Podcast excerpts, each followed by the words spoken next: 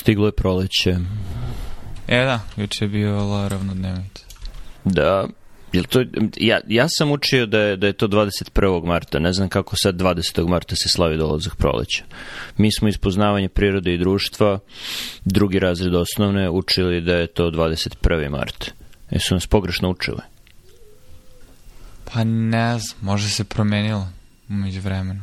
Piše da u 21. veku najranije martovsko Uh, najranije marsko darovnevnica bit će 19. marta 2006. dok će najkasnija je bila 21. marta 2003. Tako da je verovatno između ta dva i Onda je trebalo da nas uče da je 20. mart. Ili su možda mislili 21. mart je sigurno koji god godine, 21. marta je proleće.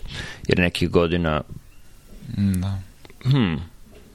Pa, ali svih godine sigurno 21. marta proleće, neke godine 19. ili 20. Da, da.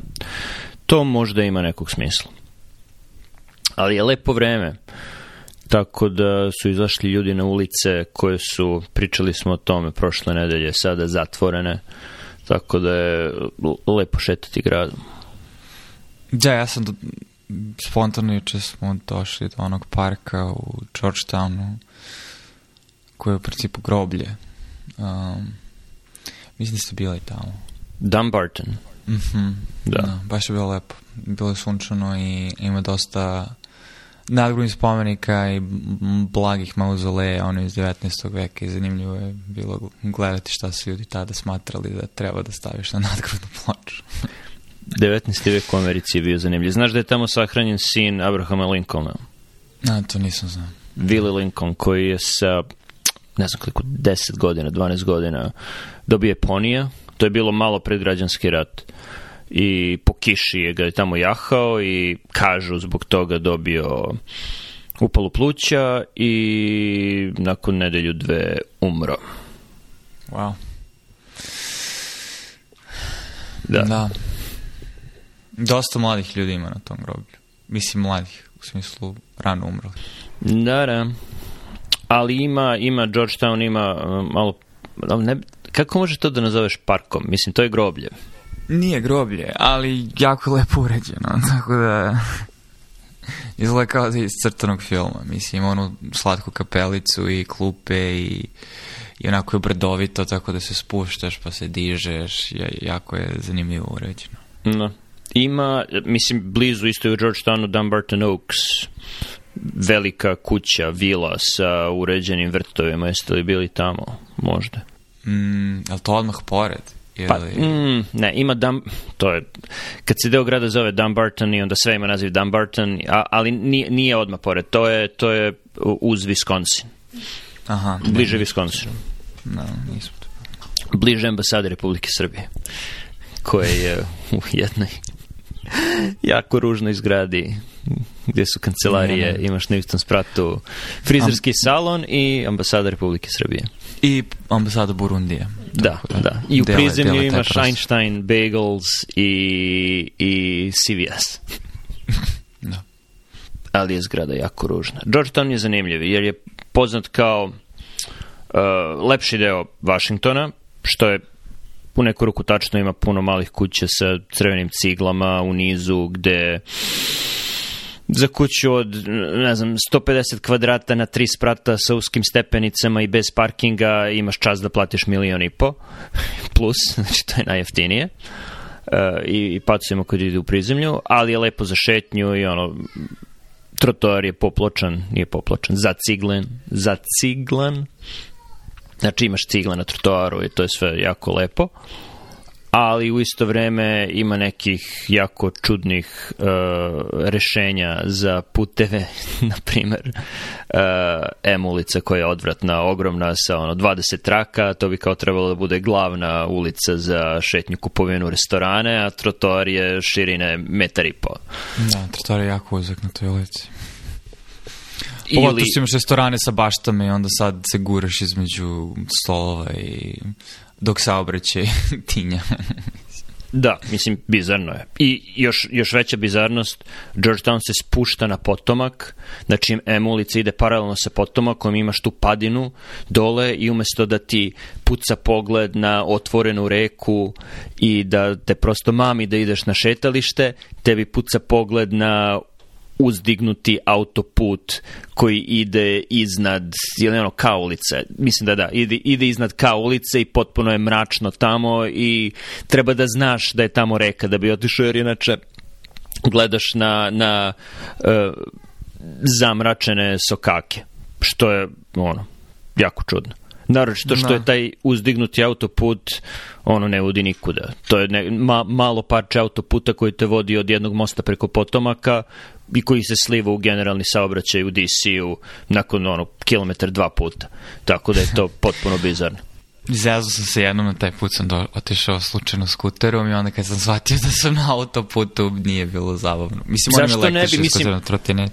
ko bi pretpostavio da se tu nalazi autoput? Ne, ne vodite no. Da. autoput do tamo i ne vodi na neki drugi autoput. Znači, ne da ne znam, sigurno je neki preduzimač. Mislim, indirektno preko mosta dovodi do autoputa, ali ni sam most nije autoput, tako da, ovaj, da. Pa da, preko mosta... I ograničenje je 35, znači, bukvalno samo, ali ljudi se ponašaju kao da je autoput zato što imaš šest traka ili koliko već, mislim. Da. No. No, da, to je, znači, uništenje, uništenje taj deo Georgetowna koji je prema potomaku koji bi trebalo da je, da je jako lepo. Oh well. Mislim, Ali ima lepi delova Odisija, tako da nije...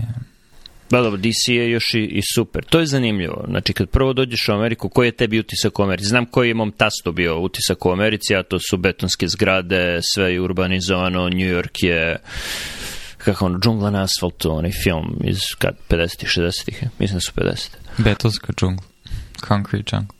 Jel to, mislim da se pominja asfalt, ali u svakom slučaju, mislim, to ti utisak, a ono, dođeš u New York i vidiš da, ono, Midtown, ima to, ali mislim ima i Central Park i, i, i puno drveća na tim ulicama, ali je ono, centar Manhattana, južni deo Manhattana su male kuće, jasno ograničeni komšiluci i jako prijatno za život. Tako da je količine zelenila prvo iznenađenje čak i u, u velikim gradovima. Naročito čini mi se na istočnoj obali. Kako se ide ka zapadu, gradovi koji su kasnije pravljeni, koji su pravljeni u vreme e, jeftinog goriva i velikih automobila, to više ne važi. Tako da je Atlanta, za koju iz nekog razloga sad preči da je jako dobar grad, mladi ljudi hoće da, mislim, gluposti. Atlanta je meni nemoguće za život, jer ne možeš da šetaš nigde. Čak i centar grada ne, nije, nije predviđen za šetnju. Jer je svaka, čak i neka lepa zgrada, zanimljiva zgrada, okružena sa pet parkinga. Tako da, da je to, ono, džungla betonska ili džungla na asfaltu.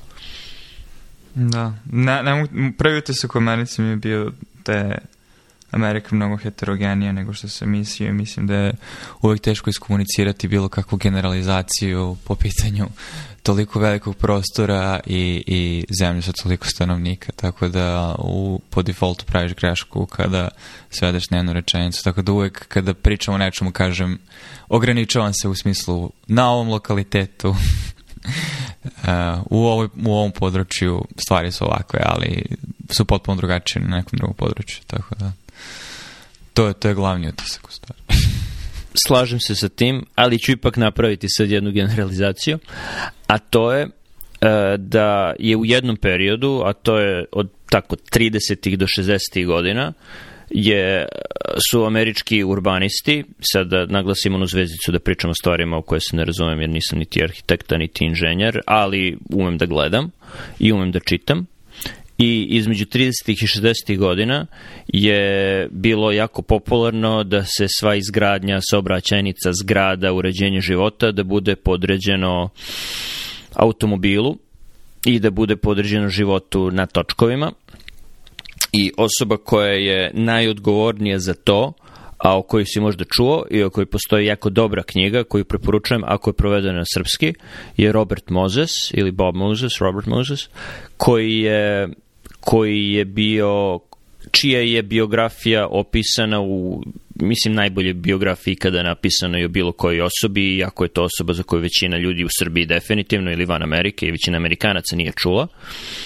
Knjiga se zove Power Broker ili Broker moći. Uh, jer je on bio osoba koja je upravljala sa najviše novca i koja je uticala, sa, uticala na najviše života, a da nikada nije bio izabran od strane birača ni za jedno mesto, iako se kandidovao par puta za različite pozicije. On je bio glavni uh, arhitekta Njujorka i osoba koja je potpuno promenila to kako New York izgleda i promenila je koncept toga kako izgleda grad i to je u stvari počelo od New Yorka da se grade autoputevi koji su paralelni sa lepim delovima grada, tako da je Manhattan oivčen autoputevima, umesto da su tu parkovi i ono prodavnice i različite stvari koje izlaze na vodu, jer je taj deo grada koji izlazi ka vodi još najbolji deo grada.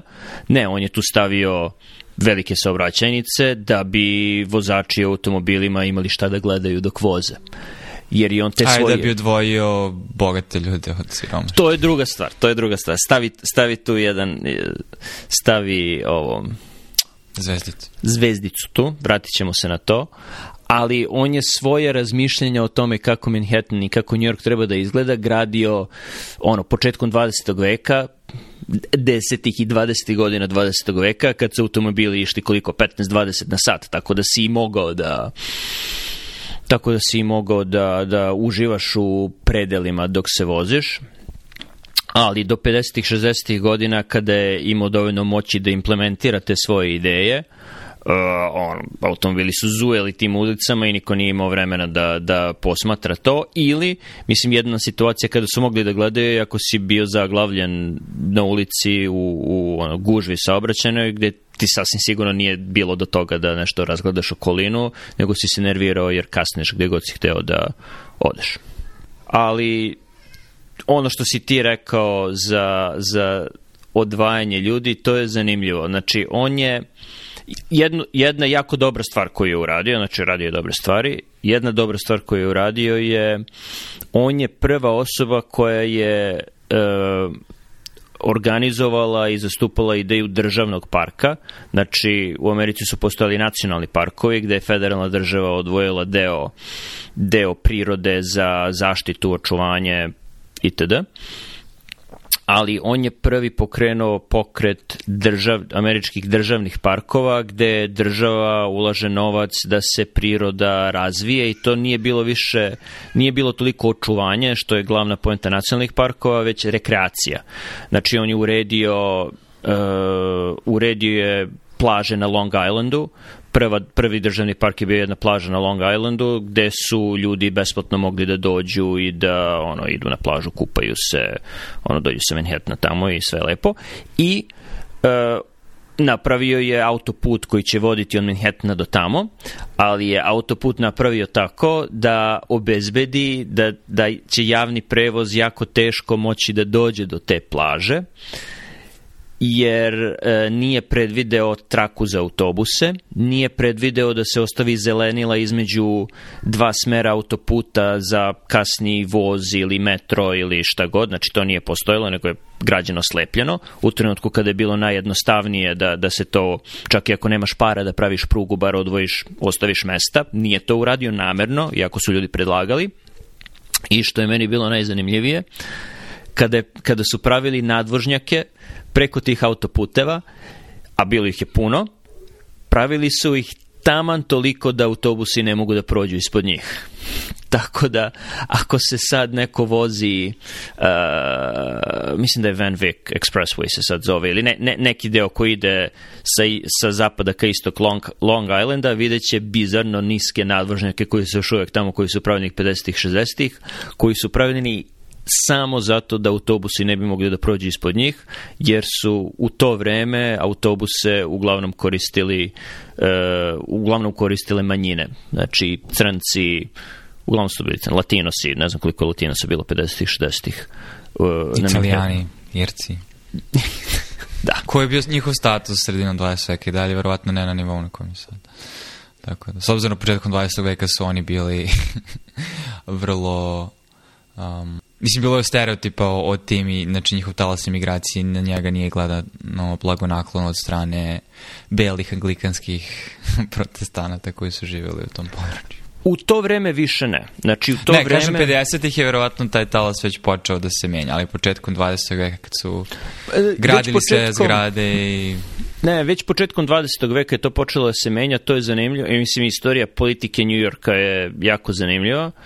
Uh, jer je to lep primer toga da ne možeš da deliš, a demokrate su svi dobri, lepi, mirišu na ruže, a republikanci su svi prljavi, zli rasisti, uh, što sad pretpostavljam je preovladavajuće mišljenje uh, u većini, u većini sveta, ako se neko uopšte interesuje za američku politiku, jer je uh, politikom Njujorka je uh, vladala demokratska partija još uvek vlada i to jako korumpirana demokratska partija uh, koji su, koji praktično bila irska mafija koja je vladala uh, e, njujorškom političkom scenom i što se zvalo Tamini Hall ili Tamani Hall koja je bila neka kafana gde su se oni okupljali. Uh, E, tako da već u to vreme, početak 20. veka, kada je Mozes pravio svoju političku karijeru, oni su oni su upravljali novcem koji je išao na različite infrastrukturne projekte.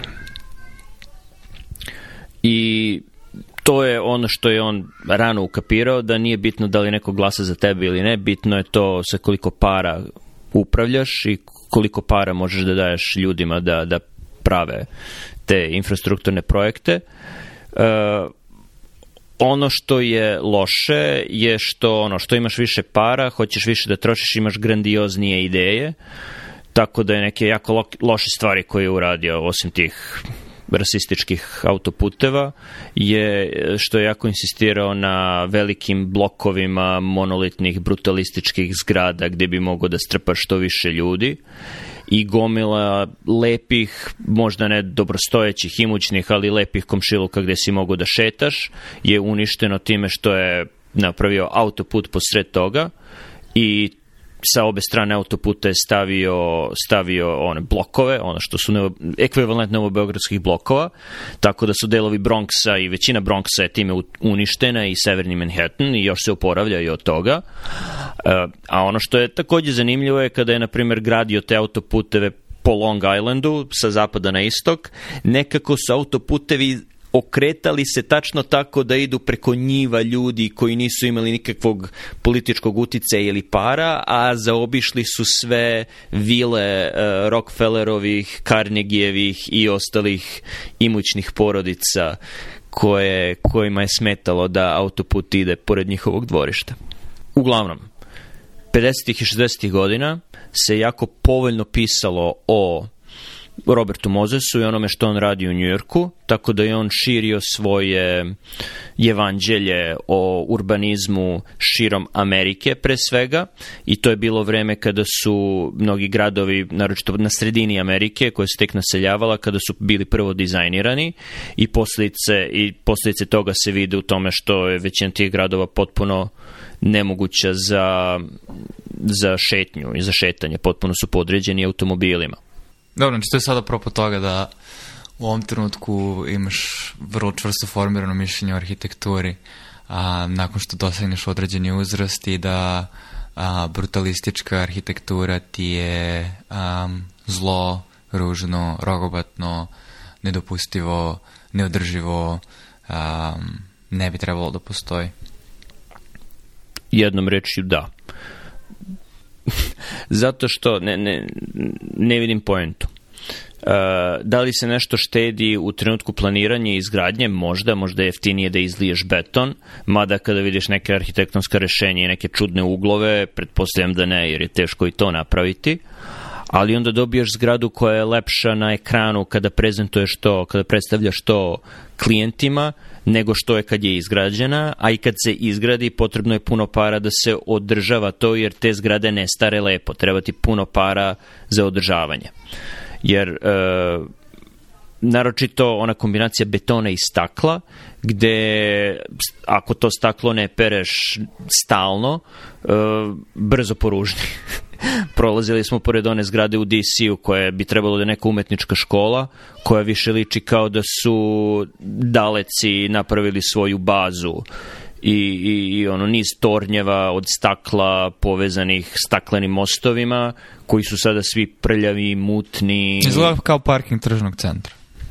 Da, odvratno je. Na jak, u relativno lepoj ulici za veliku saobraćanicu, Connecticut Avenue, i u generalno lepom delu grada. Sa druge strane, imaš naročito tu gde si ti oko Duponta, imaš puno visokih zgrada, ali visokih zgrada koje su upravljene u nekom stilu ono, do, do art deco i art nuvo. To je bilo ok, kada si još stavljao neke ukrasne elemente. Uh, koje su neki, ne znam, patološki arhitekte rekli to nam ne treba, šta će ti to? Mislim, treba ti jer ljudi koji šetaju treba da fokusiraju pogled negde da bi videli zgradu kao celinu prijatnu pored koje je lepo šetati. Tako da, da su te zgrade sasvim lepe, iako su ono visoke, i prednost koju DC ima u odnosu na, na ostale američke gradove je što kada su napravili prvu zgradu koja je bila veća od uh, Washington, Washington Monumenta, onog obeliska. Uh, ta zgrada se zove Kairo. Građani okolo su napravili ogromnu buku i, i bunili su se i od tada nijedna zgrada u Washingtonu ne sme da pređe visinu Washington Monumenta što je u stvari dobro, jer ako imaš dovoljno prostora da ne samo da ideš u širinu, nego kad ideš u širinu da praviš zasebne celine koje su nezavisne, da imaš komšiluke koji mogu nezavisno da deluju, a DC je pun takvih nezavisnih komšiluka, to je mnogo bolje rešenje nego da strpaš svakoga u minimalni prostor i da ideš u visinu. Što, ok, na Manhattanu ostrovo je nisu mogli toliko da idu u širinu i reke koje ga okružuju su relativno velike, tako da ne možeš da imaš puno mostova okolo. Mislim, ok, nije idealno, ali u većini gradova to ne bi trebalo da bude slučaj. Ako mi je zanimljivo kako imaš jako čvrstu režim u pitanju arhitekture. Ono, jedan od najmnogo ljudnijih gradova kao neko ko se uopšte ne bavi tim poslom. ne, ali, ali kapiram što hoćeš da kažeš sa, sa, sa praktični i estetski tački gledašta. Ali ono što je meni zanimljivo i što se barem pitao, mislim da sam, kad smo baš prolazili pred zgrade i, i tebi stavio do znanje, što je bilo zanimljivo vidjeti kako će buduće generacije gledati na to, jer uh, estetika jeste donekle objektivna, to jest jeste u velikoj meri objektivna, znači postoje simetrije, stvari koje su lepe na oko i svi osetimo, znači da li nešto lepo, ali postoji taj moment nostalgije i toga što to značava iz prošlosti i zanima me a, da li će buduće generacije koje nisu odrastale u vreme kad su te zgrade počele da propadaju, znači nove brutalističke, na njih gledati blagonaklono s obzirom na nostalgični moment, jer i to propadanje u tom kontekstu za njih označava uh, da, da daje neku vrednost dok za nas izgleda kao sve vizije distopijske budućnosti jer svi filmove koji smo gledali a, a oslikavaju distopijsku budućnost oslikavaju te zgrade koje su propale za nas to samo izgleda kao a, dalje propadanje. Mislim da najvjerovatnije da ne, ali sam otvoren po pitanju toga da će neko naći neku estetsku dubinu u, čak i u toj, toj vrsti arhitekture 20 godina od sada kada arhitektura bude izgledala dosta drugačije i drugi materijali se budu koristili, druge tehnologije, tako da će se na to možda gledati. Mislim, već sad imaš ono jugonostalgičku, uh, jugonostalgičku estetiku onih svih spomenika posle drugog svjetskog rata. To je drugo. Znači, Jugoslavije.